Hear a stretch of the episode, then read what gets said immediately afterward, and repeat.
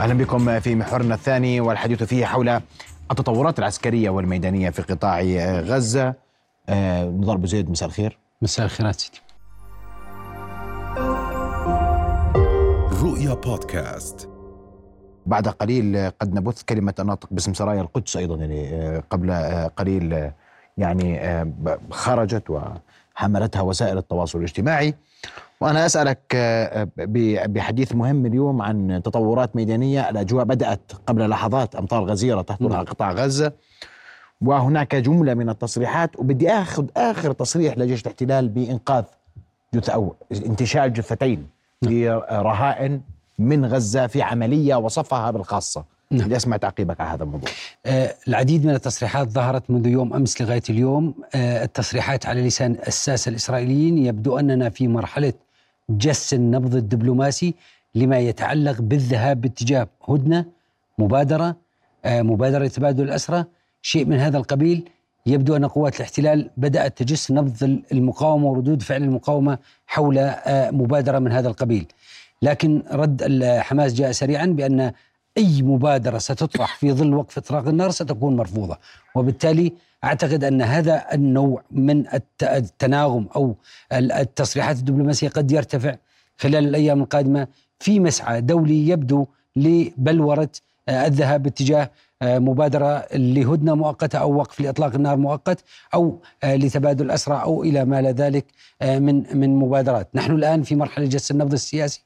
على المستوى العسكري يبدو أننا وصلنا إلى الكريتيكال بوينت أو النقطة الحرجة في العمليات العسكرية أي أننا وصلنا إلى مراحل متقدمة جدا من العمليات العسكرية التي بعدها تتضح الصورة الضبابية إلى أين تتجه العمليات إلى أين تتجه نهاية هذه العمليات هل هي تتجه إلى مبادرة سياسية أم ستتجه إلى آه، آه، آه، انهاء هذه العمليات العسكريه تحت مسمى او تحت باب بند قد تقوده القوى الدولية من باب لا غالب ولا مغلوب بين طرفي الأزمة هذا مبكر للحديث عنه لكن هذه كلها مبادرات اسمحش. الحديث عن الهدنة جاء الرفض من حماس فورا واضح لم نعم، ينتظر واضح. نعم. بدقائق يعني.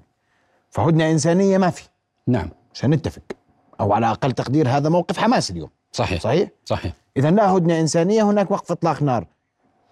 الاحتلال لا يريد أن يرد أن يرضخ لوقف إطلاق النار وفق مطلب المقاومة صحيح الاحتلال لا يريد الظهور بمظهر المنهزم ولا يريد تكرار السيناريو الذي حدث معه في الهدنة الأولى أو في الصفقة الأولى والتي لا أسميها صفقة هي الصفعة كانت على الاحتلال آه، نتيجة رضوخه للخسائر أو للشروط آه، المقاومة وبالتالي هو يستعجل في العملية العسكرية حتى يتزامن البعد السياسي مع البعد العسكري في محاولة لتحقيق ورقه قوه يستطيع فيها الجلوس على طاوله المفاوضات ومحاوله فرض بعض الشروط التي يريدها. عوده الى سؤالك فيما يتعلق في عمليه تحرير الرهينه آه، او تحرير الاسير الذي آه، الاسيرين الذي كان موجودين لدى المقاومه اليوم آه، انتشال جثتين عشان اكون او انتشال جثتين كان موجودات لدى المقاومه هذه العمليه التي اعلن عنها قبل ساعات من الان أعلن بشكل صريح أن آه، محاولة تحرير أو انتشال جثتين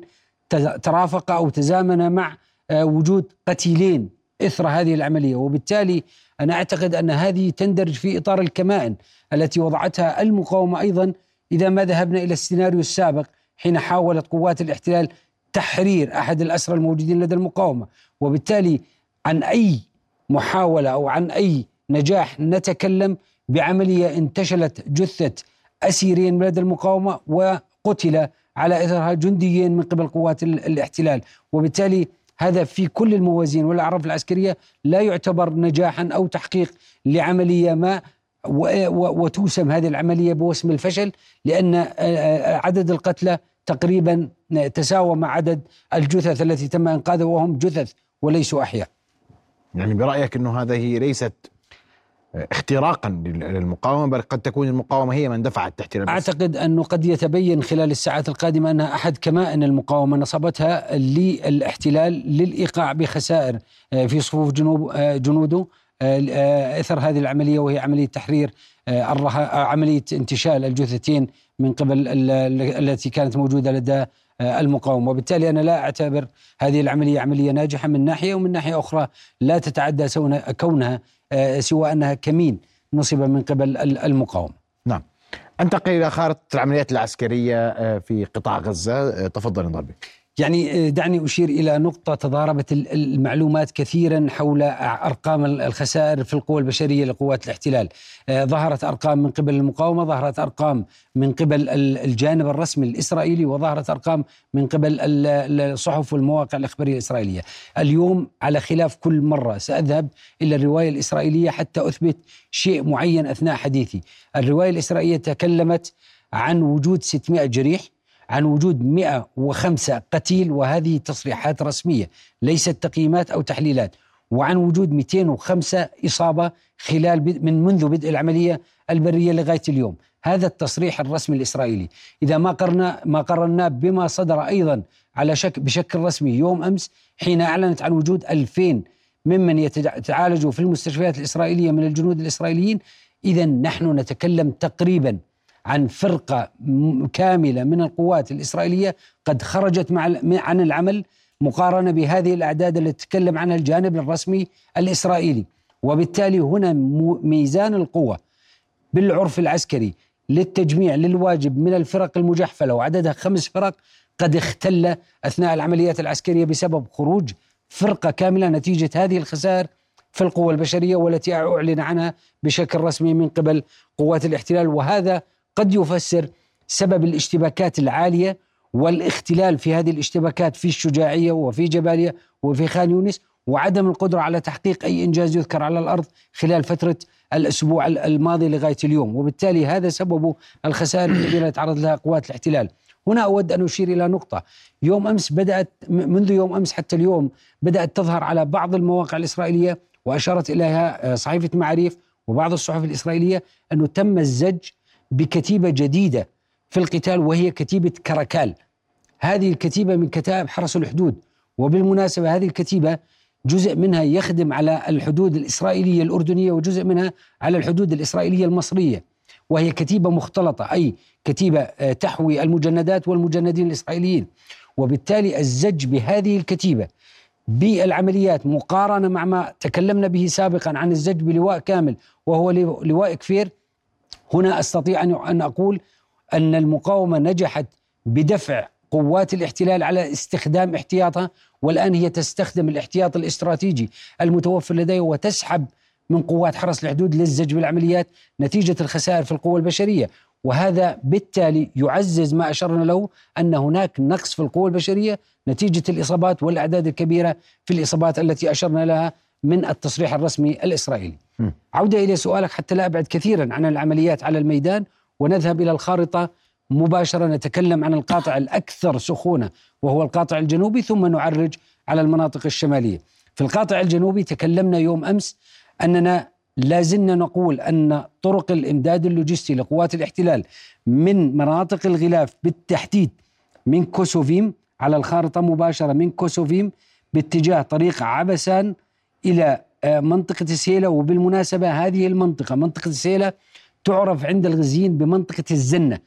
وبالتالي إيه، سمعنا كثيرا في المواقع الإخبارية عن عمليات حدثت في منطقة الزنة لكن حتى لا يتشتت المتابع والمراقب منطقة الزنة هي نفسها منطقة بني سهيلة وبالتالي طريق الإمداد لقوات الاحتلال على القاطع الشرقي أو المنطقة الشرقية من خان يونس لا تزال مقطوعة واليوم بالتحديد حدث فيها الكثير من العمليات القتاليه وهنا اقف قليلا فقط عند تكتيك جديد اتبعته المقاومه على هذا الطريق وهو استخدام العبوات التلفزيونيه ورد كثيرا على كثير من المواقع واعلن عنه بشكل رسمي ان عشر جنود من قوات الاحتلال قتلت في المنطقه الشرقيه من خان يونس بعبوه تلفزيونيه هذه العبوه التلفزيونيه فقط دعني اوضح ما هي هذه العبوه هذه العبوه سميت بهذا الاسم لأنها تشبه شكل التلفزيون لها قواعد أرضية وهي تعرف بعبوة أو أو تعرف بلغم يعرف بلغم كلايمور وهو لغم أمريكي من نوع أم 8 آه، وهذا اللغم يستخدم وله قدرة عالية جدا على توجيه الانفجار له لأنه يحوي على آه، قنيبلات صغيرة داخل هذا اللغم وبالتالي توجيهه يمين ويسار وبالمناسبة يستخدم ضد الأفراد ولا يدمر الآليات بل يعطل الآليات وبالتالي يبدو أن ارتفاع عدد الإصابات في قوات الاحتلال في الجهة الشرقية من خان يونس قد يعود إلى كثافة أو قدرة المقاومة على استخدام هذا النوع من الألغام التلفزيونية في المنطقة الشرقية من خان يونس نعم آه، قوات الاحتلال لا تزال عاجزة عن فتح طرق الإمداد كثافة العمليات في المنطقة الشرقية من خان يونس تفسر محاولات شديدة ومستميدة من قوات الاحتلال لفتح الطريق البري لإمداد قواتها لا تستطيع ترك قواتها لفترات طويلة بدون خطوط إمداد برية إلا أن تلجأ إلى ما تحدثنا عنه يوم أمس أن تقوم بإسناد قواتها وبإمداد قواتها من خلال الطائرات وهنا مخاطرة كبيرة جدا أن نستخدم الطائرات في عمليات إنزال لوجستي في منطقة صراع مثل هذه المنطقة آه، إذا ما أخذنا بعين الاعتبار لا تزال المعلومات الاستخبارية لدى قوات الاحتلال حول صواريخ الميم با الصواريخ التي تستهدف الطائرات المقاومه للطائرات لا تزال ناقصه وبالتالي القوات الاحتلال لا تستطيع لهذه لغايه هذه اللحظه استخدام طائراتها العموديه واشرنا لها من نبض البلد في عده حلقات ان الطائرات العموديه لغايه هذه اللحظه لم نراها لم نشاهدها قد تم الزج بها بالعمليات رغم اهميتها وضروريتها هذه نوع من الطائرات الطائرات العموديه تستخدم لما يعرف بالعرف العسكري بالكلوزنج اير سبورت اي الاسناد الجوي القريب وبالتالي القطاعات لا تستطيع التقدم دون توفير اسناد جوي قريب الطائرات المجنحه لا تستطيع توفير هذا النوع من الاسناد لانها على ارتفاعات عاليه وتستخدم لقصف تمهيدي او لفتح طرق امام القوات البريه لكن اثناء العمليات تحتاج القطاعات البريه الى هذا النوع من الطائرات آه، المروحيه لتقديم اسناد للقطاعات المتقدمه، وبالتالي ما يفسر سبب غياب هذا النوع من الطائرات المروحيه لغايه اليوم نتكلم عن 76 يوم من القتال البري ولم نلحظ وجود طائرات او مشاهده طائرات 66 يوم صحيح 66 يوم بعض المصادر تشير الى 67 يوم اذا ما تكلمنا ان العمليات بدات من 7 اكتوبر نعم وبالتالي هذا النوع من الطائرات غيابه بسبب نقص المعلومات الاستخبارية عن الأسلحة المتوفرة لدى المقاومة المقاومة استخدمت سلاح السام سبعة أو صاروخ السام سبعة وهو صاروخ ميمطاء ضد الطائرات وبالتالي يبدو أن قوات الاحتلال ترتعب كثيرا من آه، آه، آه، إمكانية إسقاط أي طائرة مروحية وبالتالي هذا نصر كبير للمقاومة إن حدث وحصلت هذا النوع من العملية نعم بالتالي هذه المنطقة الشرقية اتضح شكل العمليات فيها في المنطقة الشمالية من خان يونس تكلمنا يوم أمس لا زال القتال في منطقة المركز الثقافي لم تستطع قوات الاحتلال التك... التقدم في المركز الثقافي الثقافي هي حاولت أن تتقدم باتجاه واحد إذا ما ذهبنا على الخارطة إن... إن تحولت اتجاه العمليات من طريق صلاح الدين بسبب استمكان المقاومة في المركز الثقافي واتجهت باتجاه آه، طريق جمال عبد الناصر متجهة بذلك على هذا المحور محاولة للوصول إلى مستشفى ناصر غرب مدينة خان يونس لكن لغاية هذه اللحظة قوات الاحتلال لم تستطع الوصول إلى هذه المنطقة بالتحديد منطقة أو مستشفى آه، آه، آه، مستشفى الناصر في المناطق الجنوبية من قطاع غزة من خان يونس بدأنا نلمس منذ صباح اليوم بعض العمليات وعمليات كثيفة وخاصة على الطريق الجنوبي آه، لصلاح الدين وهي بالتحديد على الخارطة هذه الطريق ظهر هناك العديد من العمليات لم تستطع قوات المقاومة آه، قوات الاحتلال عفوا التقدم بشكل سريع على هذه القوة على هذا الطريق وبالتالي يبدو أن المقاومة آه، تمنع قوات الاحتلال وتجرد قوات الاحتلال من أي محاولة لفتح خطوط إمداد برية لقواتها وبالتالي أنا أعتقد خلال الأيام القادمة وخاصة في ظل ترابط الحاله الجويه مع الحاله الجغرافيه التي تعرفها المقاومه بشكل جيد خلال الايام القادمه من اليوم لغايه الايام القادمه وحاله الطقس السيئه، الامطار كثيفه، هناك ضباب قد تفقد قوات الاحتلال الغطاء الجوي بشكل كبير وهذه فرصه كبيره وثمينه قد تستطيع منها المقاومه ايقاع خسائر اكبر في قوات الاحتلال، نعم. واعتقد انها امام بيج فيش بالنسبه للمقاومه او صيد ثمين قد تقوم به المقاومه امام اليات الاحتلال ونشاهد المزيد والعديد من المقاطع المصورة شمال القطاع إذا ما ذهبنا إلى شمال القطاع وبالتحديد إلى مناطق العمليات الرئيسية سواء في جباليا أو في آه، المنطقة الرئيسية في الشجاعية هذه الشجاعية التي لا تزال تقاتل بعنف شديد والمقاومة تقدم آه، آه، صور كبيرة من البطولات تجاه قوات الاحتلال هنا أود أن أشير إلى نقطة أن مناطق جديدة بدأت تفتح مناطق قتال جديدة بدأت تفتح في المناطق الشمالية من قطاع غزة شاهدنا في بيت لاهية آه، صباح اليوم قامت قوات الاحتلال آه، بمحاصرة مستشفى آه، كمال عدوان شاهدنا ايضا منطقه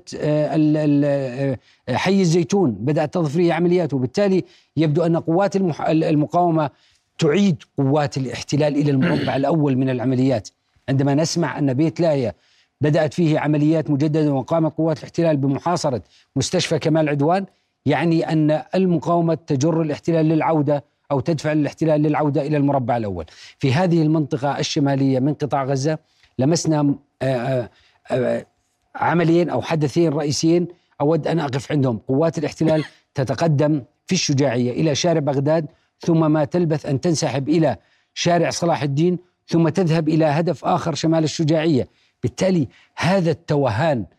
في العمليات العسكريه يبرر ان فقره التنفيذ في خطه قوات الاحتلال تائهه تماما، قوات الاحتلال تقوم بعمليات مائعه في المناطق الشماليه وفي منطقه خان يونس، لكن يبدو انها عندما تفقد السيطره امام ضربات المقاومه لا تعرف اين تتجه طيب. لذلك تتحرك بين آه، ممرات دعنا نستمع لكلمة الناطق باسم سرايا القدس أبو حمزة ومن ثم آه، نسمع تعقيبك على ما أورد أبو حمزة نتابع سوية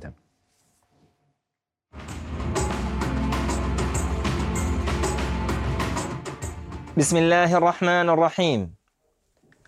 هو الذي أخرج الذين كفروا من أهل الكتاب من ديارهم لأول الحشر ما ظننتم أن يخرجوا وظنوا أنهم مانعتهم حصونهم من الله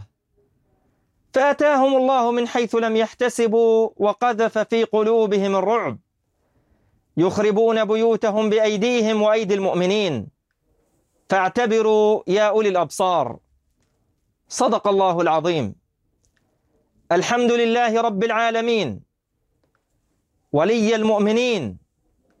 والقاهر بالرعب أركان الظالمين المعتدين والصلاة والسلام على نبي الله الأمين أبي القاسم محمد وعلى آله الطاهرين وصحبه وعلى جميع الأنبياء والمرسلين ثم أما بعد تتوالى أيام معركة طوفان الأقصى التي أكدنا في بدايتها أننا لن نستسلم ولن نرفع الراية البيضاء وأنها مهما طالت فنحن أهلها بأمر الله وإرادته ولعل العدو الخاسر الخائب لم يفهم النص واستمر بقصف المدنيين الآمنين دون سابق إنذار لا ضير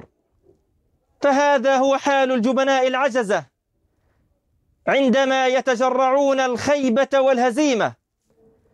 على أيدي الثابتين الراسخين في أرضهم كما هم راسخون في إيمانهم يا جماهير شعبنا العزيز البطل ويا أبطال العالم الحر الشريف إننا وفي بداية الشهر الثالث للمعركة نعلنها وعلى الملأ وبكل وضوح أن المعركة اليوم ليست معركة القضاء على المقاومة أو حتى استعادة المحتجزين وتبادل الأسرى فالمعركة اليوم هي تصفية حساب مع الشعب الفلسطيني ومقدراته ومقاومته التي ألحقت الهزيمة التاريخية بهذا الكيان الغاصب على مدار سنوات احتلاله وليس لنا في هذه المعركة إلا التصميم على النصر يا شعبنا المجاهد في الضفة وغزة والشتات إننا أمام الوضع المأساوي والحصار الظالم الذي تفرضه حكومة الاحتلال على شعبنا في غزة نقولها والله خير الشاهدين أننا في المقاومة الفلسطينية نعيش ظروفكم ونتجرع ألمكم ولكن ثمن الحرية والكرامة أكبر بكثير مما نعيشه من ظلم واضطهاد إننا في ضوء ما سبق نؤكد على ما يلي أولا إننا نخوض حربا مفتوحة مع الاحتلال الصهيوني الأمريكي وندافع عن المسجد الأقصى بالنيابة عن أمة المليار فيا أمة المليار ادفعوا معنا هذا العار وهذا الظلم وشلال الدم المسفوح في غزة واكبحوا معنا شهوة القتل الصهيونية المدعومة من الإدارة الأمريكية التي تقف في وجه المجتمع الدولي بكل بجاحة وتعجرف بمزيد من الالتحام والتضامن ومواجهة الظلم والاستكبار ثانياً التحية كل التحية إلى رفاقنا وإخواننا المجاهدين في المقاومة الإسلامية في لبنان والعراق وإلى شعب الأحرار في اليمن الحر الشجاع من سبقت أفعالهم أقوالهم وأثبتوا للجميع أنهم أنصار الله والإسلام والجهاد وفلسطين ثالثاً نؤكد ثبات مقاتلينا في الميدان في كافة محاور التقدم والقتال في الشجاعية والشيخ رضوان والزيتون وجباليا وخان يونس ونعلن مسؤوليتنا عن تدمير عشرات الآليات والمدرعات وناقلات الجند بقذائف التاندوم والأربجي وعبوات الثاقب البرميلية شديدة الانفجار ونسف المنازل بقوات العدو والاشتباك في الشوارع والأزقة من مسافة الصفر ما أسفر عن تحقيق قتلى بالعشرات وإصابات محققة بالمئات في صفوف جيش العدو علاوة على ذلك أننا مستمرون بعون الله بقصفنا للمدن الصهيونية بالصواريخ والحشودات العسكرية بقذائف الهاون على يد أبطال الإسناد والمدفعية رابعا وأخيرا إلى جمهور الكيان الصهيوني وعوائل الأسرى المحتجزين في غزة أصغوا إلينا جيدا إن الأرعن الدجال نتنياهو يعلم جيدا ما هو مصيره المحتم بعد انتهاء الحرب وهذا شأنكم حاكموه أو اسجنوه أو اقتلوه وعليه فهو يعمل جاهدا على المماطلة والمراوغة وهدف الحرب الوحيد لديه هو البقاء في سدة الحكم والثمن بلا شك هو حياة أبنائكم وهنا نؤكد للجميع إن مصير أسرى وجنود العدو لدينا لن يخرج عن احتمالين إما القتل بفعل الضربات الصهيونية والمحاولات الغبية لتحريرهم أو العودة عبر التفاوض غير المباشر والتبادل المشروط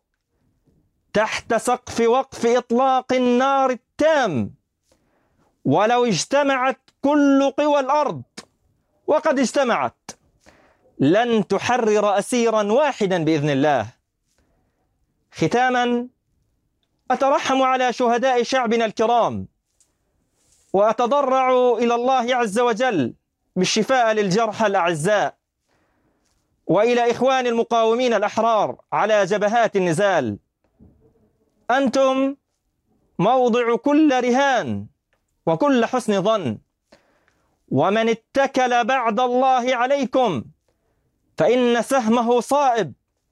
وعاقبته حسنه ونصره عزيز قريب ان شاء الله سبحان ربك رب العزه عما يصفون وسلام على المرسلين والحمد لله رب العالمين والسلام عليكم ورحمة الله تعالى وبركاته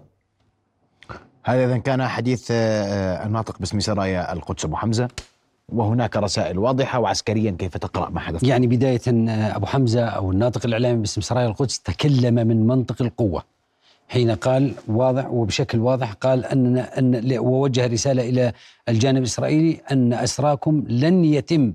تحريرهم لا بالقوة ولا بهذا آه، الشكل أو العملية تقوم بها إلا بالتفاوض وأكد أن التفاوض الغير مباشر أي أنه لا يريد الجلوس مع الجانب الإسرائيلي بشكل مباشر وهذا منطق قوة أنا قلت أكثر من مرة من يمسك الأرض ويتحكم بالعمليات على الارض يفرض شروطه على طاوله المفاوضات وبالتالي هذا ما تحدث فيه الرساله الاخرى التي وجهها يبدو انه وجه رساله بشكل مفتوح الى الامه الاسلاميه واشار الى بامه المليار وقال ان